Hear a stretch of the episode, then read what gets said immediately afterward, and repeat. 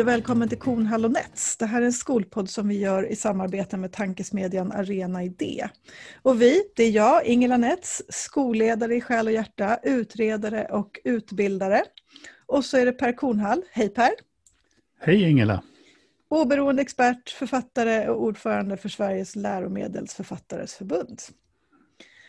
Vi gör den här podden eh, tillsammans helt ideellt därför att vi båda tycker att det är så otroligt intressant eh, att få diskutera och samtala kring frågor som rör skola och samhälle. Eh, och inte bara oss emellan utan för att vi får möjligheten att prata med människor som på olika sätt verkar inom skolans område. Och vi har ju en gäst även idag. Så idag säger vi välkommen till Per-Arne Andersson. Välkommen! Mm, tack så mycket. För de flesta skolmänniskor är väl du känd som chef för SKRs enhet för utbildning och arbetsmarknad. Eh, där har du varit i ungefär 12 år. Och jag ska säga det att eh, min kompis Google var inte alldeles lättflörtad när det gällde att hitta ytterligare information om eh, människan Per-Arne Andersson och vad du har gjort tidigare och sådär. Jag vet att du har jobbat som rektor och förvaltningschef och har lärarbakgrund vad jag förstår. Men berätta, var började det? Ja, om, om det är av intresse så kan man väl säga att jag, jag började som obehörig lärare eh, 1977 i Norrköping på Matteusskolan. Eh, och eh, då hade jag eh, läst in en fil. kand. på Linköpings universitet och gjort lumpen lite försenat och sådär väntade på att den där så kallade temaforskningen skulle komma till Linköpings universitet för att eh, den var jag lite intresserad av. Men jag började på Matteusskolan i Norrköping där 77. Då pendlade jag från Linköping. Matteusskolan låg nära järnvägsstationen. Det var väldigt bekvämt. Jag bodde nära stationen i Linköping. Eh, jag trivdes otroligt bra. Det var jättekul att jobba som eh, lärare. Så att, eh, jag bestämde mig nog egentligen under det där första året där att jag, nej, men jag, jag skulle nog vilja bli lärare. Så att eh, jag hade ju inte haft en sån tanke så att jag hade ju ingen ämneskombination som var liksom, då var det rätt strikt på vilka ämneskombinationer man behövde för att bli ämneslärare då. Och då visade det sig att jag hade kemi och biologi huvudsakligen. Och då kunde man läsa till geografi för att få en, eh, en, eh, en sån examen. Och, eh, då gjorde jag det. Så jag läste till geografi och sen 1980 började jag på lärarutbildningen, blev lärare. Eh, ja, och sen eh, ja, fortsatte jag på lärarbanan fram till i början på 90-talet då jag 93 typ där, gick över och blev biträdande rektor och var det några år innan jag blev rektor. Och sedermera förvaltningschef och eh, var i Enköping när Per jobbade på gymnasieskolan och jag var, var inom min förvaltning där så det var väl egentligen första mötet vi hade. Och då, då fick jag en lektorstjänst där på, på Västerlundska gymnasiet där och jag var förvaltningschef. Mm. Eh, sen eh, ja, så började jag på SKL som det hette 2008. Sen har jag varit där ända till eh, till och med februari i år, då jag fyllde 68 år i januari, så var det dags att pensionera sig. Men inte sluta jobba. Nej, precis. För det verkar inte som att du tänker liksom sätta dig och mata änder direkt. I, i, i någon, någon, någon av de få saker jag hittade när jag googlade så står det sådär att ja, men du får ett nytt spännande internationellt uppdrag. Berätta. Jo, nej men alltså redan när eh, jag hade bestämt mig att jag ska sluta och gå i pension formellt då, så sa jag att jag slutar ju inte jobba och då fick jag ett erbjudande från eh, SKR att leda ett, eller egentligen leda två tematiska satsningar som SKR skulle göra 2021. Jag skulle börja med det i mars då eh, eftersom min efterträdare kunde börja första mars.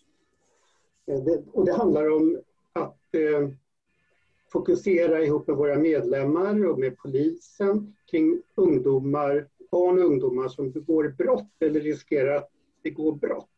Ett område där vi inom organisationen SKR och medlemmarna inte riktigt tycker att vi har varit tillräckligt kraftfulla. Vi pågår massor med projekt och olika saker, men vi hade behövt göra mer. Sen ett område som handlar om högre utbildning och forskning. Så att jag var fullt inställd på att jag ska leda de här arbetena från första mars. Men en vecka innan så kom eh, man till mig och sa att du, eh, vi har lite eh, en vakant här på vakans på vårt företag SKL International.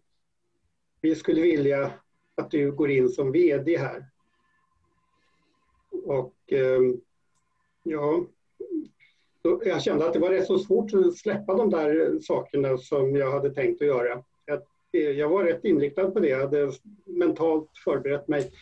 Och då blev det en kompromiss så att jag till 90 procent är VD för SKL International och till 10 procent är, är lite teamledare för det här arbetet kring barn och unga som begår brott. Som vi hade, en, kan man kalla det för, ett webbinarium som offentliggjorde det arbetet igår med mm. rikspolischefen, VD för SKR och tre eh, stats och kommundirektörer som, eh, som är de som eh, är styrgrupp för det jobbet. Men som sagt var, 10 procent leder jag det arbetet men nu har jag ju behövt ha fler medarbetare som gör själva grovjobbet medan jag försöker att hålla ihop det. Det låter ju som en, som en bra... Eh, om det bara var så att du, att du hade varit ledig de andra 90 procenten så hade det varit en drömtillvaro då. Men, men, men eh, uppenbarligen så är det inte en drömtillvaro för dig att inte jobba så här efter pensioneringen. Alltså, vad är det som driver dig att fortsätta? dels att jag har ett engagemang och jag gillar att jobba. Jag har inte någon sån här utpräglad hobby som golf eller eh, segling eller någonting annat. Jag har seglat, jag har testat golf, jag har testat en del andra saker men det är ingenting som lockar mig. Jag, jag tycker om att jobba och, och ja, vara engagerad. Mm. Och vad innebär det här arbetet nu då, det internationella uppdraget? Ja, det var en lite speciell situation kan man säga. Det var väl ingen slump att man frågade mig då, för det finns ett principiellt beslut att man ska överföra SKL Internationals verksamhet in i SKR. Alltså mm, om man avvecklar bolaget eller inte är väl en annan fråga, men själva verksamheten vill man ska införlivas i SKRs verksamhet. Det finns eh, en hel del eh, administrativa och ekonomiska skäl till det. Ehm, och det har att göra med att just nu då så sluter Sida avtal med SKR och SKR sluter avtal med SKR International. Det är lite krångligt när det gäller moms och administration och så vidare. Och då, då finns det mycket som talar för att det vore enklare att den här verksamheten låg inom SKRs ram. Men det finns också andra naturliga fördelar, nämligen att man kommer närmare den politiska beslut, de politiska beslutsfattarna ute i kommunerna. För SKL International jobbar mot kommuner huvudsakligen i de länder man är aktiv, alltså har verksamhet i. Och det är väldigt många liknande bekymmer som vi står för i svenska kommuner. Det finns mycket att lära av varandra och därmed kan man säga att man skulle kunna få de här verksamheterna att stödja varandra lite mer och bättre om man, man finns i SKR-organisationen helt och hållet. Och, och, då, då passar det också rätt bra då jag som kan SKR-organisationen. Ta det ansvaret och jag har lovat att göra det under det här året fram till årsskiftet då det är tänkt att, eh, att det ska vara klart. Vi vet inte om det är i och för sig men, men det är så som eh, planeringen ser ut. Mm. Och, och i och med att du nämner Sida, då handlar det alltså om, om, om eh, delvis, delvis utbyte men också någon form av, av liksom biståndsperspektiv på det arbete som görs, eller? Ja, väldigt mycket av den verksamhet som sker inom SKL International. Det borras det här, så om det är något störande ljud så är jag i... i det är inte tandläkaren. mycket av den verksamhet som SKL International gör i Ukraina eller Turkiet eller i Colombia eller så eh, handlar ju om eh, kommunal verksamhet som är Sida-finansierad. Så att säga. Mm. Det är projekt som Sida finansierar. Vi gör projekt som är EU-finansierade också, men, men huvudsakligen är det Sida som finansierar de här projekten vi gör. Jag, tänkte, jag visste ju inte att du hade varit kemi och biologilärare. Det är ganska, ja, vi tillhör alltså precis samma skrå. Jag, läste till matematik också kan jag berätta, ja, men det ja. gjorde jag senare. Jag såg att man som NO-lärare fick man ju alltid ha matematik, så att jag formellt utbildat med det också. Ja, det slapp jag, höll jag på att säga. Eller, eller, eller, ja. Men, men det var inte det jag tänkte säga. Det, det, det som jag tycker var en reflektion, det var just det där att det inte finns så mycket på Google, för det kan man ju säga.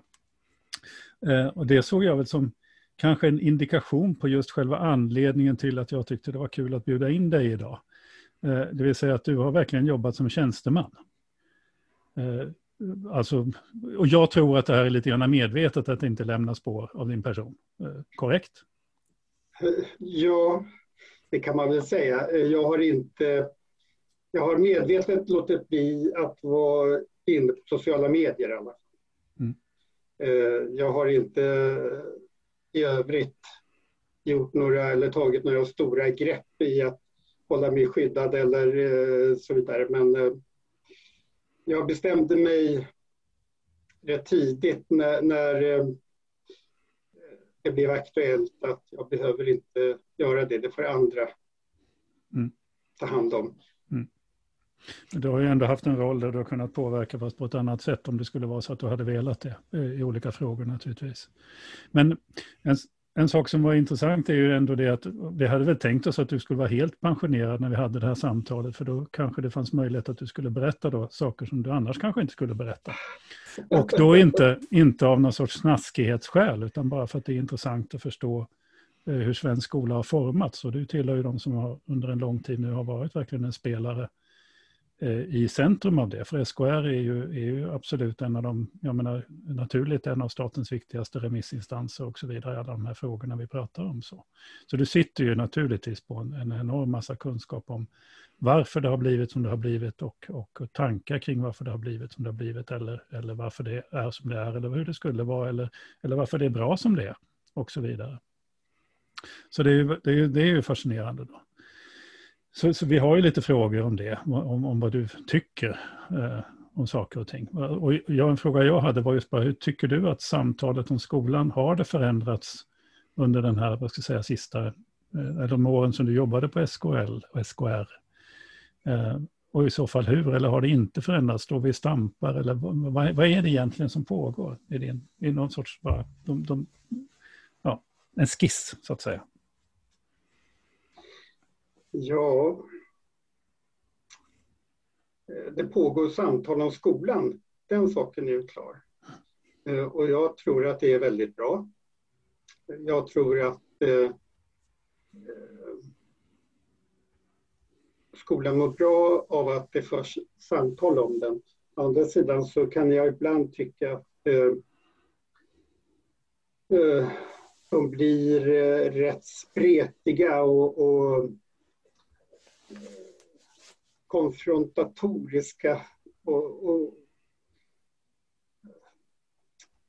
på något sätt, jag vet inte hur jag ska uttrycka det, men, men det känns som att alla har alltid någon att hålla i handen så att eh, man har ingen anledning att eh, komma till någon konsensus eller till något eh, steg framåt. Det bekymrar mig lite grann.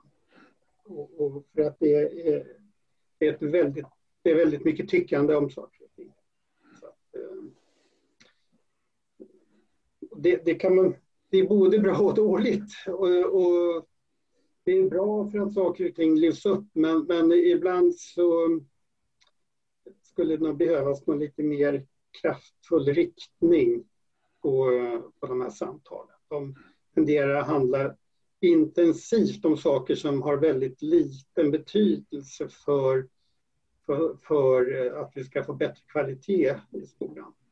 Kan du nämna en sån sak som du menar att man, man diskuterar intensivt men som egentligen har väldigt liten betydelse? Jag menar att jag menar eh, personligen, nu, det här är min uppfattning, mm. att, eh, att det som avgör hur bra skolan är, det är hur bra undervisningen är. Det är kvaliteten på undervisningen som är helt avgörande. Och hela diskussionen borde egentligen ha det som utgångspunkt och då kan man prata om massa regleringar hit och regleringar dit och lagstiftning hit och dit och, och sådär. Som i, i grunden väldigt lite förändrar undervisningen för de enskilda eleverna. En del saker kan väl marginellt och på väldigt lång sikt ha någon betydelse men ofta min bild att det, det är för långt ifrån den verklighet som eh, lärare, elever och rektorer och andra som jobbar i skolan befinner sig i. Fritjuv Berg på sin tid, 1883, skrev att kan vi bara rekrytera rätt ungdomar till läraryrket så är det mesta gjort. Ja, det var, man, man tror att man hade en genetisk anpassning till att bli lärare då. Jag har väl den uppfattningen om att man, man naturligtvis kan ha olika bra läggningar för olika för att ta hand om barn eller ungdomar möjligtvis. Men man, min bild är att man kan lära sig. Det här är en profession, det är en yrkesprofession som mm man kan utveckla och förfina hela tiden. Och, och, det är just det som är det härliga med det här yrket, eh, att vara lärare och, och så som jag trivs väldigt bra med. Ehm, jag hade propåer under min lärartid att bli skolledare, men jag ville inte det. Till slut föll jag till föga och tyckte att det var skitroligt att vara rektor också. Men det är en annan story. Men jag hade lite motstånd mot det för jag trivdes så bra. Och kände att jag hela tiden kunde utvecklas och kunde ta initiativ ihop med kollegor och andra.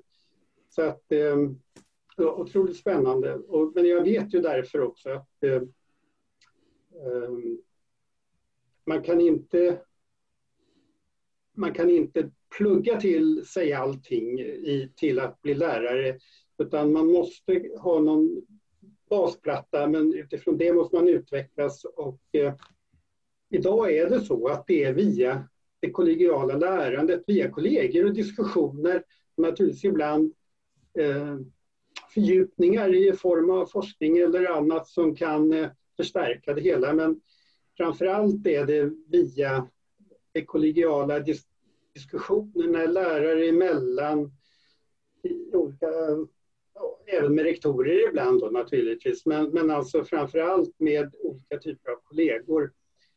Och det är det som gör att eh, det finns inget annat som utvecklar riktigt på djupet. Där kan man ju mm, göra en, en koppling till ytterligare en, en, en uh, händelse som har fått lite uppmärksamhet i media i alla fall nu precis här i månadsskiftet maj-juni. Uh, och som också du är högst berörd av tänker jag, som handlar om, om forskningsinstitutet IFOS. Mm. Som ju, och visst är det så att du är ordförande i där? Nej, det är inte, Nej. inte nu längre. Nej, okay. men, Nej. men jag fick hoppa in och vara ordförande. Jag har ja. däremot varit i styrelsen för IFO ända sedan det startade. Ja. Och eh, det, det, det, har jag varit för att min chef då, Håkan Sörman, fick frågan. Men han sa att det där passar bättre för dig. Mm. Eh, och eh, då ställde jag upp och, och ingick i IFOs styrelse från starten. Och har inte ångrat det utan tyckte det var väldigt, väldigt bra. Mm. För att eh, eh, det ligger väl i, det, i, i linje med det jag sa förut, att utveckla undervisningen. Och den ska ju bygga på, som det heter, vetenskap och beprövad erfarenhet. Och vetenskapen kan bidra mycket, men den beprövade erfarenheten ska också bidra. Och hur beprövar man sin erfarenhet då? Och det gör man genom bland annat kvalificerade diskussioner, kanske kvalificerade utvecklingsarbeten, genom att djupdyka i en del problem. Och då är det ju så ordnat att ehm, det är staten som står för all forskning i Sverige huvudsakligen, via universitet och högskolor. Men när vi jämför, och det var det Håkan Sörman och jag pratade om, man jämför hälso och sjukvården, skolan, som två stora eh, enheter så är det en jätteskillnad. Och framförallt när det gäller forskning och utvecklingsarbete. Eh, regionerna som det heter nu, då satsar mängder av egna pengar på forskning och utvecklingsarbete i skolan. Satsade ju skolhuvudmännen i princip ingenting. Så IFOS initiativet det var ju att på något sätt som en facilitator se till att skolhuvudmännen, när man hade forskning eller utvecklingsprojekt, kunde liksom samlas ihop. Så att man blev liksom en liten... Eh, ja, man faciliterade helt enkelt eh, kommun, skolhuvudmän, inte bara kommuner utan även fristående då. De hade intresse av att titta och djupdyka i olika typer av frågeställningar som lärare, förskollärare, rektorer tyckte att det här behöver vi titta på. IFOs roll var ju att slå ihop de som är intresserade, kontakta ett universitet eller en högskola för att leda det här arbetet. Och ska vi få bra kvalitativ undervisning så tror jag det är viktigt att skolhuvudmännen själva satsar pengar på forskning och utvecklingsarbete och inte sitter och väntar på att staten ska göra allt. Det viktigaste med IFOS det är att se till att skolhuvudmännen regelbundet avsätter pengar för forskning och utvecklingsarbete. Jag säger båda delarna för att det, det handlar ju om att bepröva sin verksamhet.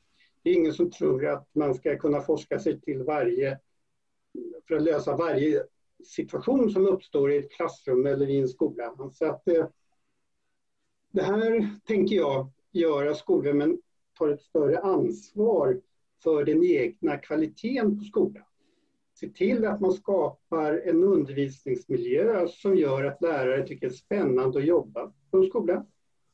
Föra de här samtalen som jag tror är viktiga, kollegor emellan. Djupdyka i olika problemställningar som grund för att se hur vi arbetar och hur vi utvecklar vår verksamhet. Det kommer att göra yrket mer attraktivt, eller yrkena mer attraktiva, tror jag. Så att jag tycker att det var en bra satsning och Per Reinhold som var den som tog initiativ till det här sa tidigt, ja det här är tråkigt att jag behöver göra, det här borde ju skolhuvudmännen själva göra.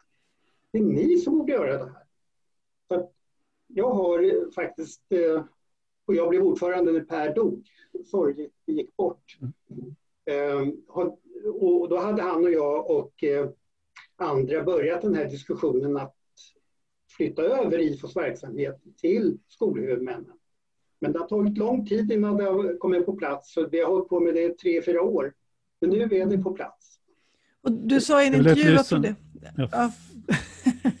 du sa i en intervju apropå det, eh, Per-Arne, att, att, att, eftersom det, nu blir det då SKR och de två, alltså Friskolornas riksförbund och eh, idéburna fri, ja, precis, som, som tillsammans liksom driver eh, IFOS vidare. Eh, och, och då sa du, uttryckte det ungefär som att vi kan ha väldigt olika åsikter om, om hur man ska driva skola. Mm. Eh, det vill säga liksom systemet för att driva skola. Men, men kan ändå enas i just det du beskriver nu, det här vikten av liksom att, att jobba med och utveckla undervisningen både utifrån vetenskap och beprövad erfarenhet. Och jag blir nyfiken, och det är möjligt att jag är lite konspiratoriskt lagd, men hur, hur, går det, hur, hur kommer det gå, eller hur går det, att, att liksom hålla forskningen fri från klåfingriga politiker och lobbyister som har väldigt, väldigt starka åsikter och, och, och liksom drivkrafter i hur man, vad man vill att skolans forskning ska, ska landa i för att det ska passa liksom den egna idén. Du förstår vad det är, vad det är jag tänker här. Um, hur, hur kan man förhålla sig till det? Ja, vad är alternativen tänker jag eh, egentligen då? Det var många som tyckte att eh, ett privat företag, de vill vi inte beblanda oss med som, som ska hålla ihop det här. Tanken för IFOS är inte att IFO ska styra eh, vad skolhuvudmännen ska forska och utveckla sig kring, utan kommer att vara en fast, var, fortsätta vara en facilitator för det. Är ju liksom inte IFO som bedriver forskningen. Det är ju inte IFO som styr den delen då, utan det är ju vad skolhuvudmännen vill fokusera på. Och, då är det ju så att IFO ska föra ihop det. Och det, vi har ju gemensamt att vi vill ha bra kvalitet på skolorna och på undervisningen. Vi vill ha delaktighet från lärare och rektorer. Det är i den delen man möts här. Och de forskning och utvecklingsprojekt som drivs via, via IFO, säger jag då, för att det är då man kopplar ihop det. De är ju kopplade till ett universitet eller högskola. Det är en eller två forskare som driver hela det arbetet. Utan här är det att vara ett nav, en facilitator för, för de viljor som finns då ute. Så att, eh, jag ser inte att det finns alltid risker i allting, men vad skulle det, jag förstår inte den riktigt. Eh, det finns, eh, Alltså jag, jag, jag, vet ju inte, eftersom du faktiskt är en så pass oförvitlig tjänsteman, vilket jag högaktar dig för Per-Arne, så vet jag inte så mycket om dina personliga åsikter om skolan. Eh, jag har ju däremot varit desto tydligare med en massa personliga åsikter, som, som du vet. Men, men, men vi har ju nog en gemensam analys av att egentligen så spelar ju, så att säga, systemet kan ju påverka, ge systemeffekter, men jag har ju pratat eller jobbat väldigt mycket med lärare och väldigt mycket med rektorer och så. Och på något vis, så fort man kliver ner från huvudmannanivån så är det ju precis bara samma frågor. Man är, man, man är bekymrad över hur ska jag kunna möta den där eleven?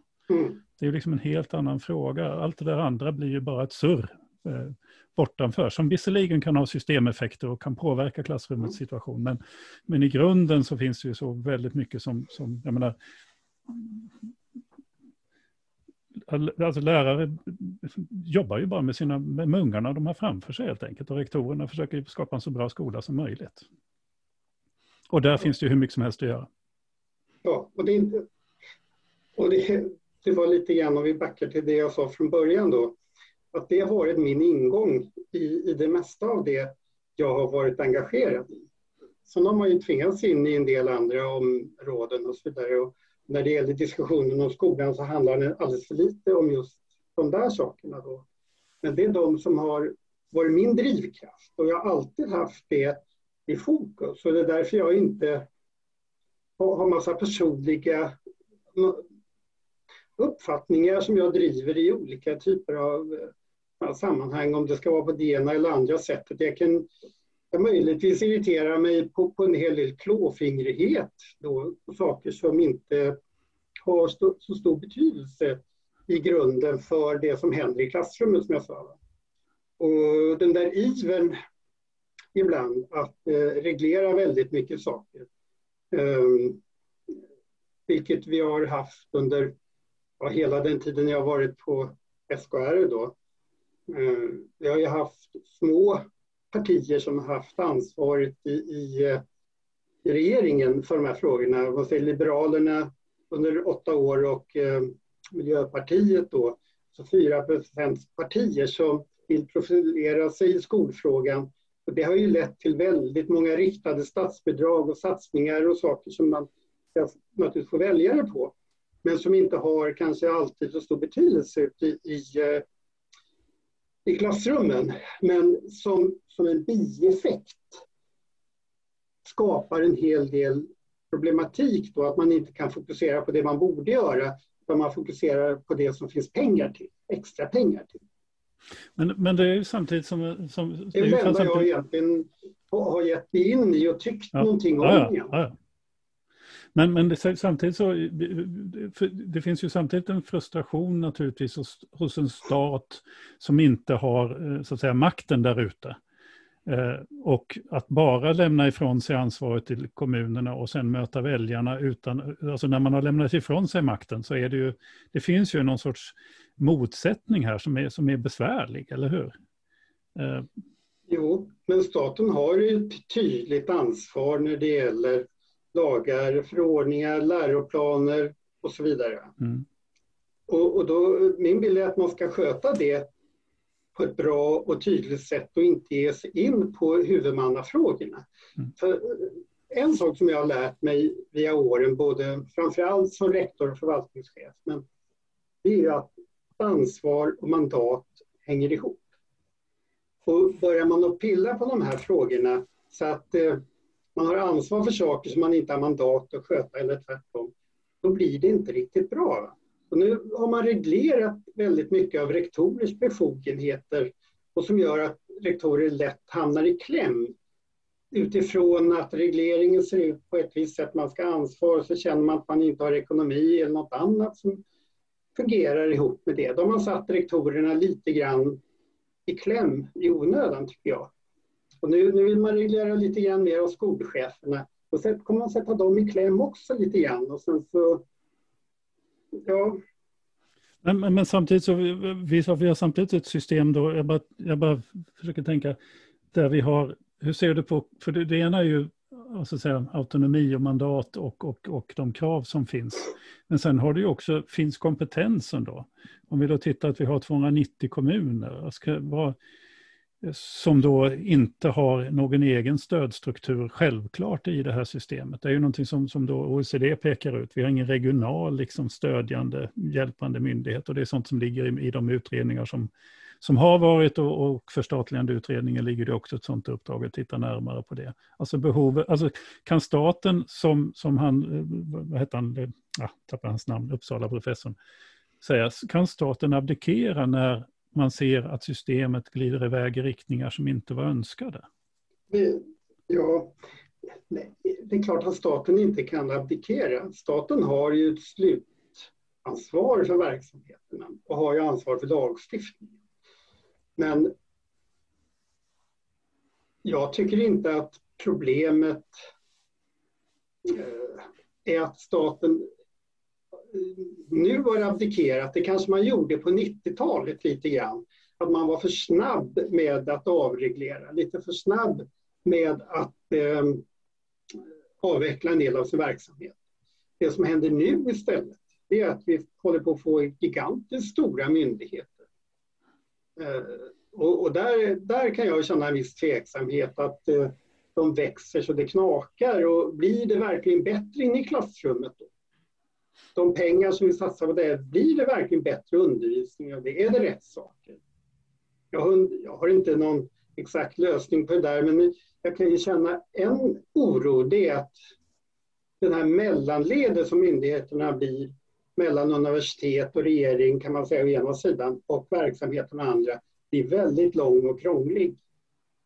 Alltså, jag har varit inne många gånger tankemässigt att varför inte koppla mycket mer mellan universiteten, högskolorna och huvudmännen. Och inte gå, ha allting via myndigheterna. Det blir en, det blir en typ av eh, dyr och onödig administration. Får jag, fråga... jag vill gärna se att det fanns tydligare, för det här, för det här försvagar även lärarutbildningarna, universitet och högskolornas eh, inflytande och möjlighet att arbeta mot skolhuvudmän tycker jag. Mm. Och det här fanns väl som ett detalj... förslag? Ja, eh, förlåt, får jag bara få en, en detaljfråga när det gäller det? För det, jag tycker det är en spännande eh, poäng du har. Eh, och det är väldigt detaljerad egentligen. Det är alltså IFOs verksamhet eh, och universiteten och övningsskolorna. För här finns det ju, om man tittar på det finska systemet så har ju de övningsskolorna haft just en väldigt fri roll att skapa och samverka med med både kommuner och lärare för att bygga professionens frågor och så vidare. Har ni, har ni varit inne i de frågorna på IFOS, alltså någon sorts projekt kring övningsskolorna? Och sånt? Alltså jag frågar rent min okunnighet, jag har ingen aning. Nej, inte ännu, men det kunde absolut vara mycket intressant. Eh, och det, det viktiga i det, det är att, att då vara med och utveckla övningsskolornas verksamhet och sprida kunskap kring dem. Mm. Där skulle IFOS kunna spela en roll, det tror jag, för att mm det, här, det är ju viktigt att skolhuvudmännen själva äger den kunskap som finns där och att den inte hamnar någon annanstans. Och, och det kan absolut vara ett intressant eh, område att titta närmare på om, om det kan hjälpa skolhuvudmän på olika sätt. Mm. Jag skulle vilja ha en kommentar till kring IFOS. Och det, du nämnde ju Per Reinolf som jag uppfattade som, som jag uppskattade väldigt mycket eh, som person. Och Eh, han är väl en sinnebild av hur civilsamhället verkligen kan hjälpa till att skapa innovationer i samhället. Alltså, han startade som ett företag för det var ju den världen han kände till, men det var ju inte hans motiv så att säga. Det var ju inte att driva företag, utan hans motiv var ju verkligen genuint att skapa de här mötesplatserna, den utveckling som han ville se. Ja, och, och, när han skapade Skolporten då för att sprida information om forskning så var det att inte att tala om vilken forskning som finns utan sprida den. Se mm. till att eh, lärare och rektorer fick tillfälle att läsa den. För det var ingen annan som på ett enkelt sätt nådde ut till, till lärare och rektorer, vilket han gjorde med. Och det ökade naturligtvis intresset för, för att diskutera skolforskning. och skolforskning med inklusive beprövad erfarenhet. Men det viktiga i det, det är att det förs diskussioner lokalt. Alltså om hur gör vi i undervisningen, hur gör vi med dippen och hur gör vi med datten och elever och samtal och, och svåra undervisningssituationer. Hur, hur, hur, hur, jobbar vi med så att vi, vi får elever att förstå ellära eller fotosyntes eller några andra såna centrala begrepp som är viktiga. Hur gör vi på riktigt då för att det ska nå alla elever? Jag, jag, tror att han har fått igång diskussionerna. Ja. Det är väl ett stort misstag när, när Skolverket avslutade samarbetet med Skolporten, när man hade verkligen etablerat en, en, en kommunikationsform. Men det är en annan sak. Mm. Ett annat spår i, som, som också löper parallellt här, tänker jag. Eh, matematik är ju liksom ett kärt och ständigt återkommande sorgebarn i svensk skola på något vis. Vi, vi har aldrig liksom tillräckligt bra matematikkunskaper och, och tillräckligt bra undervisning. Det är väl ungefär ett år sedan som, som SKR och Nationellt centrum för matematikutveckling drog igång ett samarbete. Är det lite mer? Ja. Lite från 17-18 ungefär. Ah, okay. Och det handlar ju om att stärka matematikundervisningen framförallt i, i mm. lågstadiet då, från förskoleklass och upp. Förskoleklass och ettan och tvåan. Ja, precis. Mm. Men, men alltså, nu, nu vart det ju en extra knorr på den här frågan eftersom du faktiskt också är matematiklärare då i, i botten. Va, mm. Varför är svensk skola, liksom, varför är vi ständigt dåliga på matematik? Vad är det vi inte klarar av? Ja, det är en bra fråga. En, en, en, ett svar är ju att eh, vi har för, eh, för låg utbildningsnivå. Eh, det är det ena svaret. Och, och då kan jag säga att vi drev från SKRs sida eh, ett stort sådant arbete. Efter den här PISA-chocken eh, 2009 då, som presenterades december 2010 så förde vi diskussioner inom SKR, eller då SKL. Kan vi göra någonting? Nej, vi är ju inte matematiker. Vi kan ju inte matematik, däremot styrning och ledning. Och kan vi koppla ihop det, så att säga, att, eh, kan vi få den här styrkedjan kring, kring eh, undervisningen att fungera, kan det påverka vad som händer i klassrummet? Och då startade vi ett arbete parallellt med att eh, Matematiklyftet introducerades så förde vi diskussioner med Skolverket om ett nationellt centrum för matematik för att starta ett ett arbete.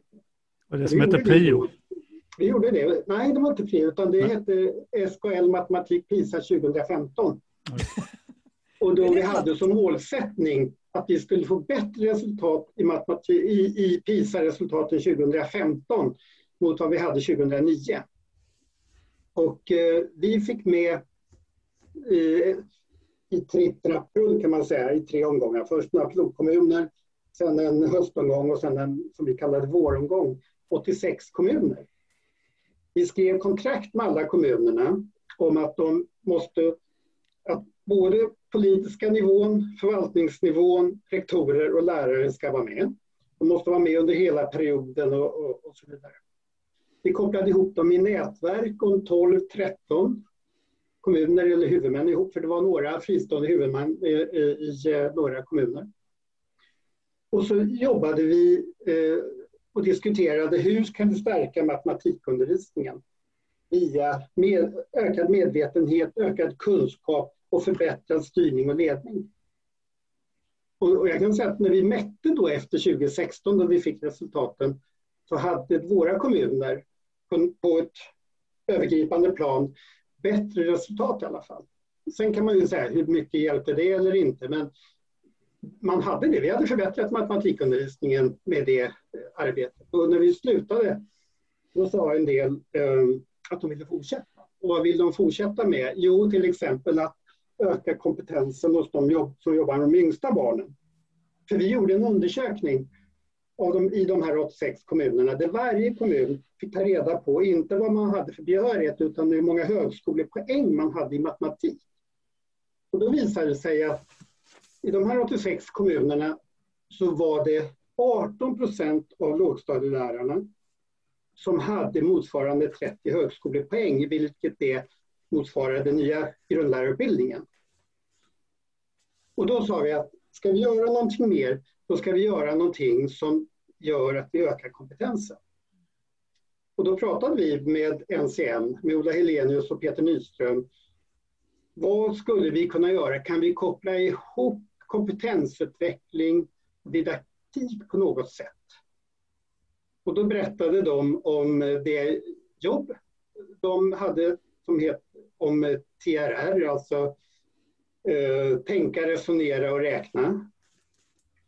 Som de hade gjort i förskoleklass och som det skulle vi kunna utveckla. Och skulle vilja utveckla men de har för få lärare. Och då tog vi på oss att kontakta kommuner och fråga, vill ni vara med? Och då är det ju så att det är väldigt få som kan den här modellen. Den griper ju rakt in i undervisningen. Den talar om hur du ska undervisa i matematik när det gäller taluppfattning. Väldigt konkret, väldigt strukturerat. Ehm, man kan säga att man intervenerar lite grann i lärares frihet att undervisa exakt precis som de vill. För att eh, som svar på din fråga då Ingela om eh, matematikundervisning kan man säga att fråga matematiklärare i många länder som är duktiga på matematik, då kan de förklara vad deras undervisning bygger på för forskning och för erfarenheter. Men det kan man inte i Sverige. Och här har det startat upp ett arbete för att försöka och implementera en beprövad forskningsmodell i klassrummen med duktiga lärare för att se om vi får bättre resultat. Samtidigt är det ju... bygger den där modellen, kan man säga, eller den här undervisningsforskningen på att man faktiskt förbättrar taluppfattningen. Och taluppfattning och tiotalsövergångar och sådär som är väldigt, väldigt knepigt. Och klarar man, fungerar inte det från början så är det svårt att erövra det senare. Och för att vi har potentiellt rätt många elever och rätt många lärare som eh, har varit med nu då de här senaste åren i det här.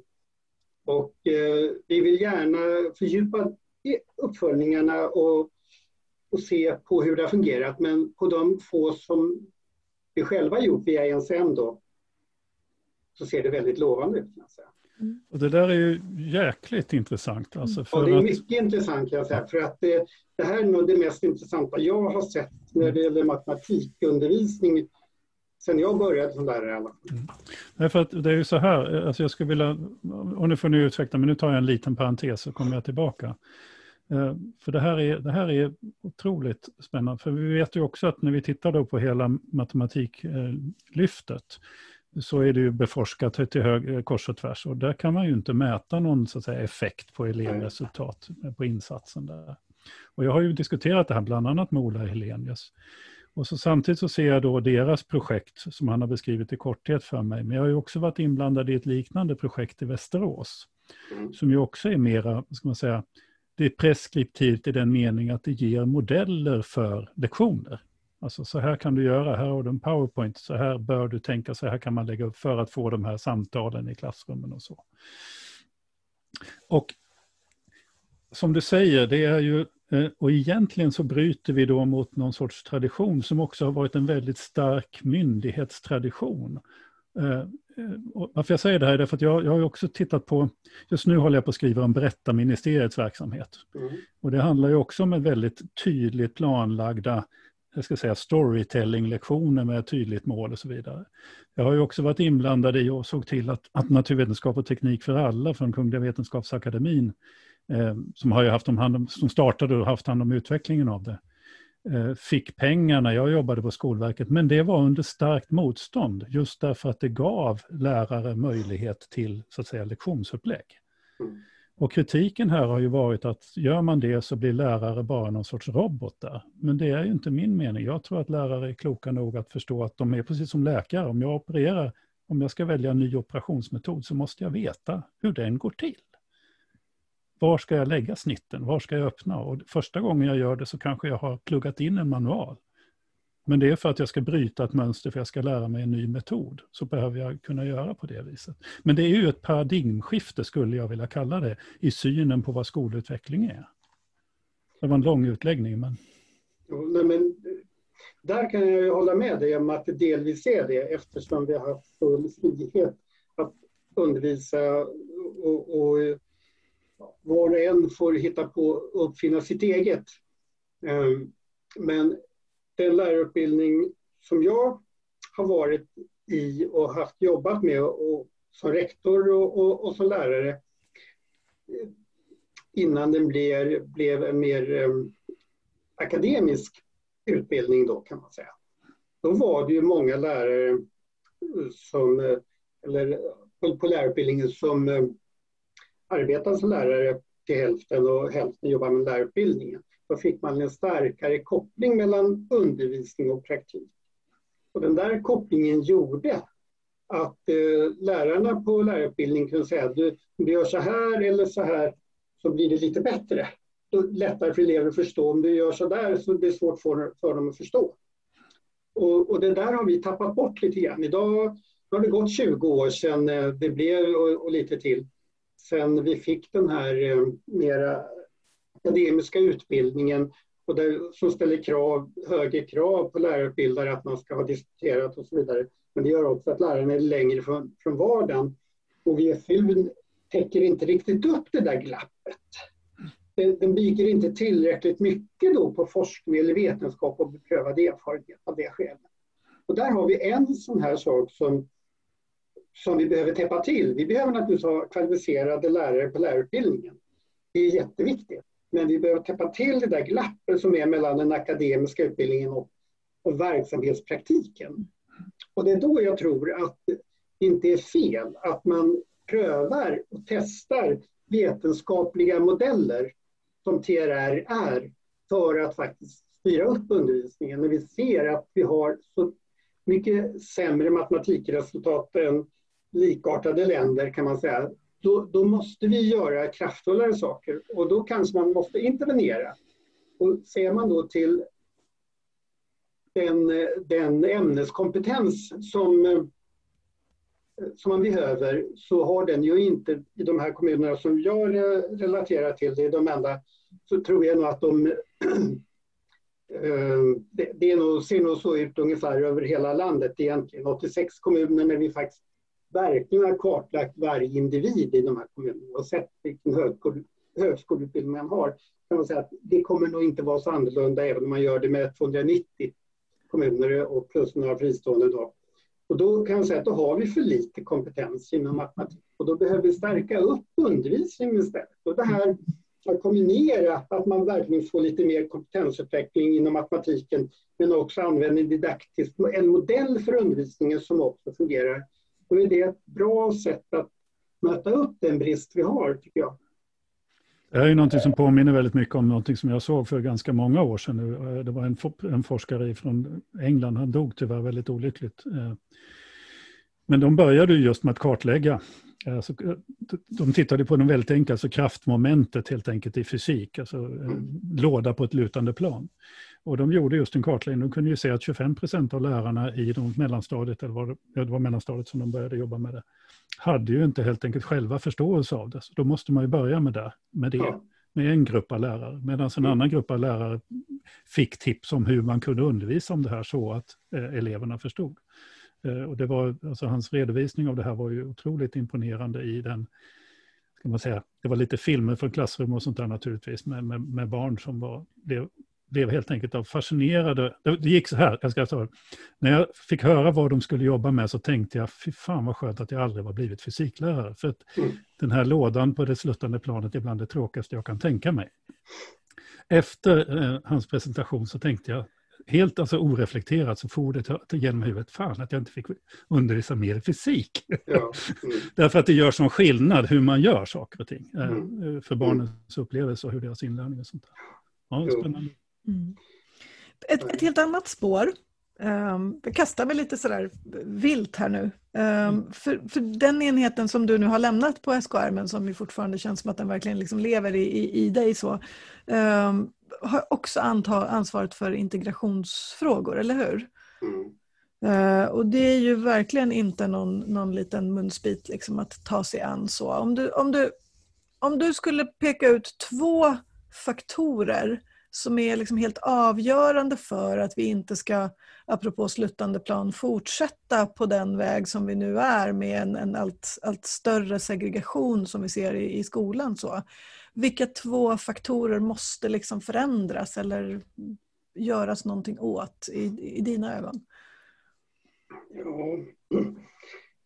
En, en reflektion som jag har och har haft väldigt länge och, och, och som jag egentligen inte har något jättebra svar på. Men min bild, och den, den, den kommer inte från bara SKL, SKR-tiden här, utan tidigare, att lärare eh, inte är så bra på och inte tycker det är så roligt att undervisa barn och ungdomar som är rätt skolomotiverade.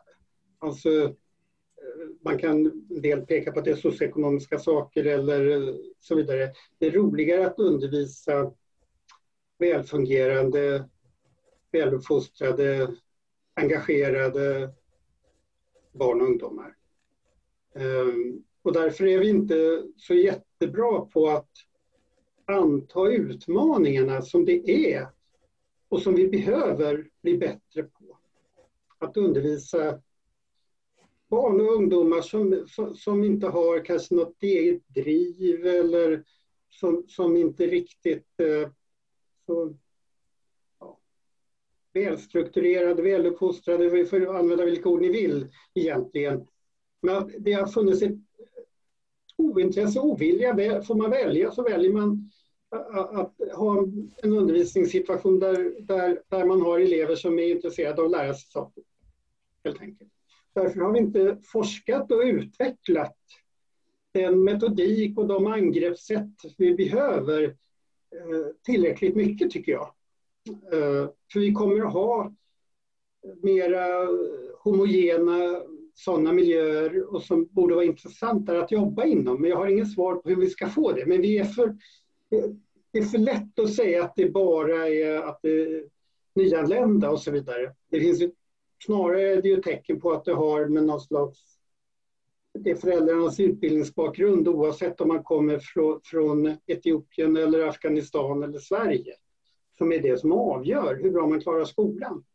Och, och, att lägga mer fokus på hur vi faktiskt angriper sådana undervisningssituationer hur vi organiserar skolan, hur vi organiserar lärargrupper, hur vi jobbar mot universitet och högskolor eller med utvecklingsarbete eller hur vi gör för att faktiskt utveckla undervisningen. Vi kan önska oss att vi ska ha heterogena undervisningsgrupper och att det vore bättre och allt möjligt sådär. Men just den utmaningen, den tror jag att vi borde lägga lite mer fokus på. Eh, och det är många som gör det och jag tycker de gör ett fantastiskt arbete. Vi behöver engagerade människor så att, men vi behöver stödja det på något bättre sätt än vi har lyckats med. Alltså på alla plan, både på utbildningsplan, på huvudmannanivå, på ekonomisk nivå och så vidare. Och så vidare. Eh, det, det, jag tycker att det, det är den stora eh, utmaningen. Eh, den andra är naturligtvis att, att locka människor att vilja bli lärare. Att, det ska vara så, och, då, och då tänker jag att är man lärare kan man bli rektor. Det är därför jag inte nämner en mängd andra professioner runt omkring. Men alltså att vi ska prata väl om det här jobbet som är så himla kul egentligen. Jag bara säger det, det är min absoluta erfarenhet och jag har trivts så bra med det genom min eh, yrkesverksamma tid. Men alltså att få folk att vara attraherade av att bli, jobba i skolan helt enkelt. Det, det är urviktigt. Jag blir lite, lite småprovocerad av det du sa eh, när du började med, med de icke studiemotiverade. För, för det vi ser i väldigt många av de här utsatta områdena, det jag ser är att jag hittar ju inga gladare lärare än de som jobbar på utsatta skolor, som, skolor i utsatta miljöer som fungerar väl och där man har de resurser absolut. man behöver. Absolut, men varför blir det inte bättre resultat då? Ja, på en del av de skolorna blir det ju det. det ska vi jo, också säga. ibland blir det det och då borde vi titta på ja. vad det är som gör att det blir bättre. Precis. Men, men jag sa det på ett generellt plan. Jag mm. säger inte att man inte kan. Mm. Men när vi, om vi ska inrikta någonting av det vi ser som problem, då är det hur vi ska faktiskt förbättra den undervisningen. Mm. Men, men då måste jag ställa en, en vass fråga här. Eh, och, och det är ju, du har ändå suttit i, i väldigt nära liksom, alltså säga, inflytande i SKR och så vidare. Och med gammal lärarbakgrund. Och så samtidigt så har vi den situationen nu att vi har 70 procent obehöriga i svenska grundskolan. Alltså, vad är det som ni inte har gjort och som ni borde ha gjort? Och vad är det som någon annan borde ha gjort? Det här, det här är ju inte en hållbar... För det, jag vet inget annat land i Västeuropa som ser ut på det viset. Eh, och du får gärna om du har något sånt exempel, men jag vet inget sånt land. Nej, men eh, jag, jag vill inte bli avkrävd att ha ett Nej, men du kanske har ett svar på en tanke på varför det har blivit så. svaret på, på den frågan. Men, men en, en, en pusselbit i det då, det var det vi inledde med, att det förs mycket diskussioner om skolan. Man har alltid någon att hålla handen, men vi har inte någon riktning. Och jag tror att riktningen ska vara att prata undervisningens kvalitet i, som ledstjärna. Att det är det vi ska ha. Vi ska inte hitta på massa andra saker som vi inte kan leda i bevis på något sätt att det där är in... Eh, allting ska ledas i bevis att det handlar om att förbättra undervisningen, kvaliteten på undervisningen. Alltså det borde vara vår gemensamma drivkraft, ledstjärna.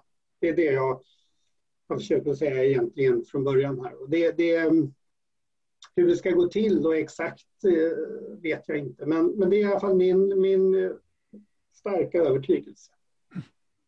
Vi hade alldeles nyss ett, ett samtal med eh, professor Nihat Bonar som ju är en, en, en, eh, expert på alla möjliga sätt inom just det här fältet när vi pratar om, om eh, nyanlända elevers lärande men också elever som är liksom både första och andra generationens invandrare eh, och tredje till och med. Och, och, segregation och så. Och han, alltså han pratade ganska dystopiskt om, om att vi har liksom passerat någon sorts tipping point när det gäller en del sådana här segregerade, marginaliserade områden. Han pratar om avancerad marginalisering där det, liksom, det är för sent att, att egentligen förändra läget för de här bostadsområden och så vidare. Men däremot det man, det man då måste göra är ju att verkligen kompensera för de, de liksom inbyggda mekanismer som finns där av utanförskap och sådär. Är, är det liksom, känner du igen beskrivningen och följdfrågan, är det här som du pratar om bland annat med fokus på undervisningen, att, att ännu noggrannare liksom hitta det som fungerar, är det, är det det som är att kompensera? Ja, att situationen är, är drastisk, Den, jag håller med om att det är mm. det på vissa håll. Mm. Och man måste ha drastiska beslut. Mm. Det tror jag också. Mm. Ehm, det är för svårt att vända. Det är för mm. svårt att, att, att harva runt för länge. Mm. Om man inte har ett otroligt kraft från en mängd olika håll. Det går inte att drivas av någon enkel politisk riktning under en mandatperiod. Eller så. Det, det är ofta flera mandatperioder och det kommer krävas eh, mycket från många håll. Så är det på en del håll i Sverige och då, det måste till drastiska beslut, det tror jag. Men är då Där kommunerna jag... rätt, rätt att leda? Ja. Alltså är, är kommunen, nu pratar vi kanske visserligen om storstadsområden i första hand, men inte bara. Är, är de liksom det kommunala styret då det bästa, den bästa kraften? Är inte det här ett nationellt ansvar som, som inte liksom kan bara fungera med hjälp av, av riktade statsbidrag? Nej, men det är klart att man måste hjälpas åt. Det är ju inte, det är inte ens fel att det ser ut som det gör och, och, och så vidare.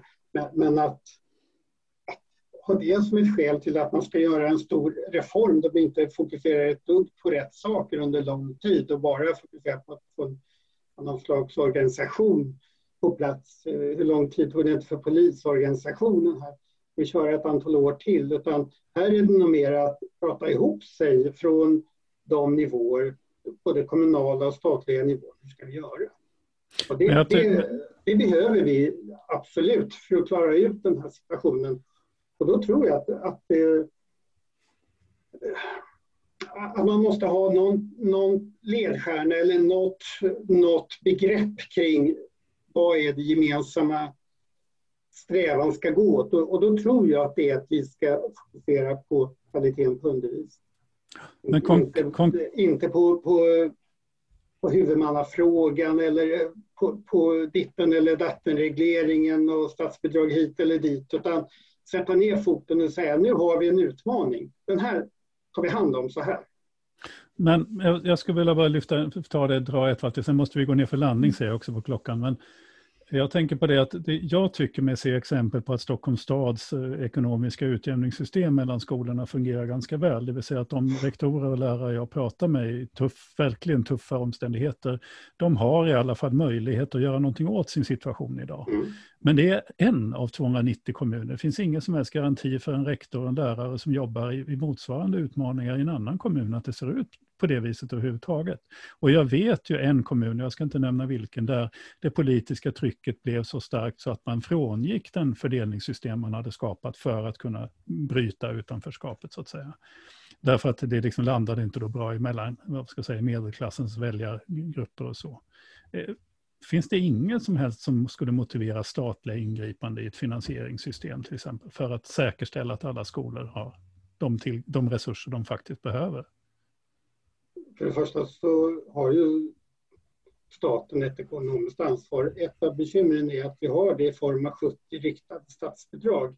De här skulle man kunna använda betydligt bättre och mycket mer samlat för att lösa de stora problem vi har. Så jag tror att eh, ett första steg skulle vara att använda de statliga resurserna mer effektivt för att i sin tur då kunna också prioritera lokalt mycket bättre. Mm. Jag tror det är, det är mycket, mycket, mycket bättre väg att gå. Och den diskussionen förs, det kan jag ju säga ändå. Nu finns det då efter många år en vilja från regeringen att säga att ja, nej, men det här med alla de här riktade statsbidragen, det fungerar faktiskt inte. Det, det förhindrar bra styrning och ledning. Det innebär att mängder av pengar går till fel saker.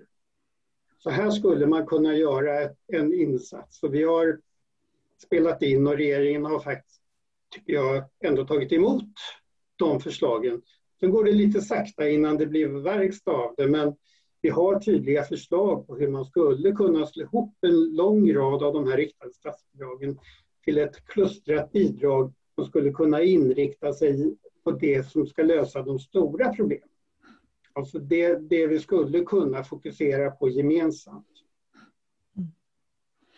Ja, jag har själv ritat ett sådant budgetförslag en gång på en pub i, i Belgien som ledde till att jag blev inkallad till Finansdepartementet för ett samtal efter att jag hade skrivit om det och så vidare. Så att det, de där tankarna finns säkert snurrande runt. Men, men sen dess kan jag säga i alla fall att både Utbildningsdepartementet och Finansdepartementet är väldigt mycket mer intresserade idag.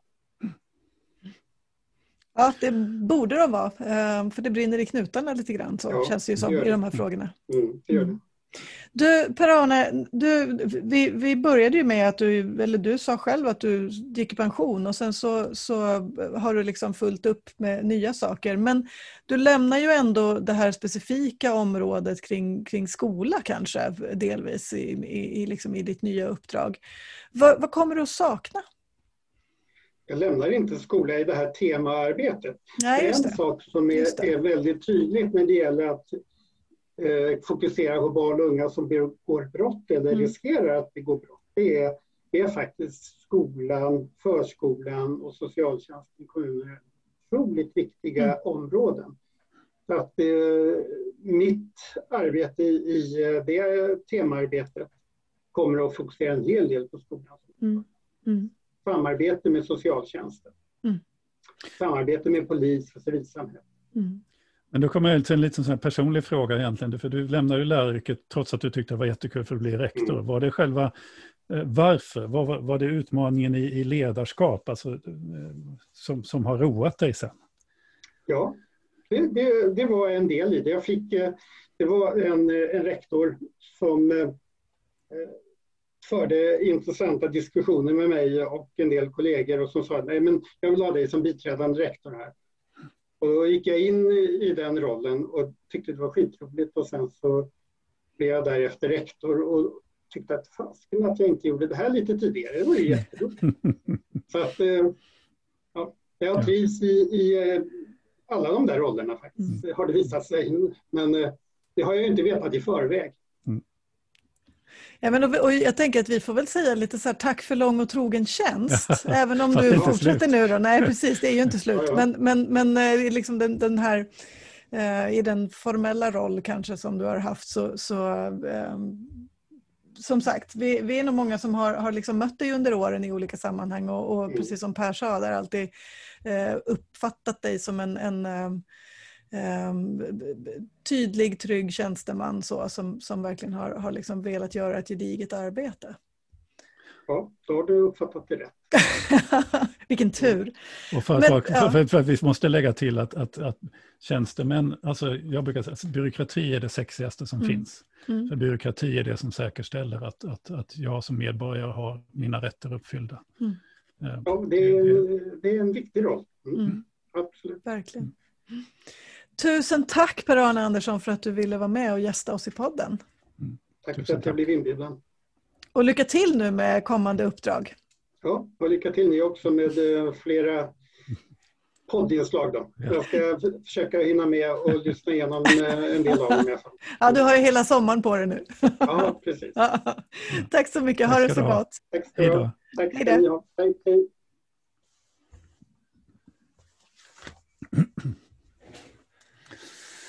Ja. ja. Mm.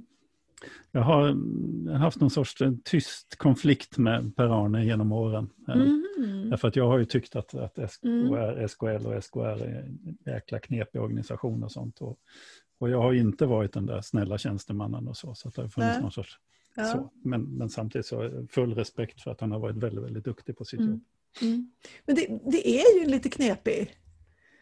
SKRs liksom roll är ju lite Rollen är knepig, organisationen är knepig med en politisk styrning och en tjänstemannaorganisation. Ja, och så samtidigt så är de, uttalar de sig för alla kommuner och samtidigt har de inget som helst ansvar för vad någon kommun gör. Nej, just det. det är ju inte deras ja. grej alls. Nej, och samma sak där, det är svårt att, det, det, det är ju naturligtvis så för alla sådana här intresseorganisationer att det, det, det är svårt att verkligen liksom representera för det finns så mycket olikheter mm. i, i alla de här sammanhangen. Men de, det finns ju också en stark, under de åren som jag har jobbat kommunalt så kan jag uppleva att SKR verkligen har stått för den här liksom en samlande plats och ett mm. forum mm. för väldigt mycket viktiga samtal. Mm. Skolriksdag, alltså det finns ju många liksom, eh, oh, ja. sammanhang där, där man har fått mötas på SKR i olika konstellationer och det har varit väldigt fruktbart. Liksom. Mm. mm. Så, ja. Spännande. Och spännande med IFOS tycker jag som, som ju liksom verkligen blir en, en eh, ännu starkare spelare i, i liksom samtalet om, om skola och vetenskap och beprövad erfarenhet. Så. Eh, mm. när alla 290 kommuner och alla fristående i stort sett verksamheter faktiskt blir liksom gemensamma ägare av. Mm. Eh, ja, det tycker jag var en, mm. en, en, bra lösning. Mm. Och tycker, mm. det var inte självklart att de rådde det i hamn, men, men, men jättebra att de gjorde. Ja. Eh, sen tycker jag att det här, egentligen det här resonemanget som vi var inne på när han nämnde TRR, de här matematikundervisningsmetoderna mm. helt enkelt. Mm.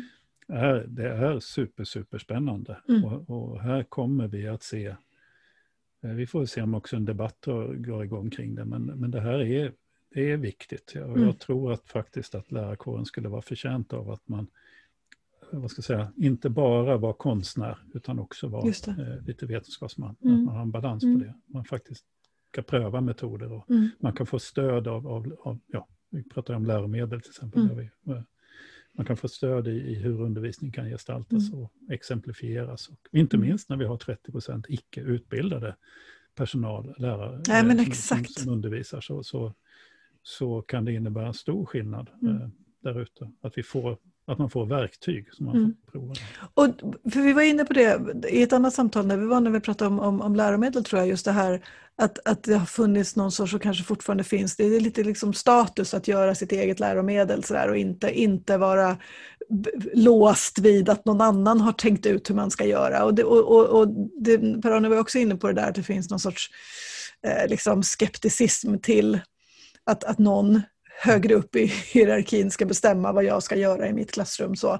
Men, men å andra sidan så, så vet vi att det finns oerhört många lärare som, som av olika skäl inte liksom har, har sin egen ryggsäck fylld än med metoder som gladeligen plockar från diverse liksom, digitala resurser precis. eller vad det nu är.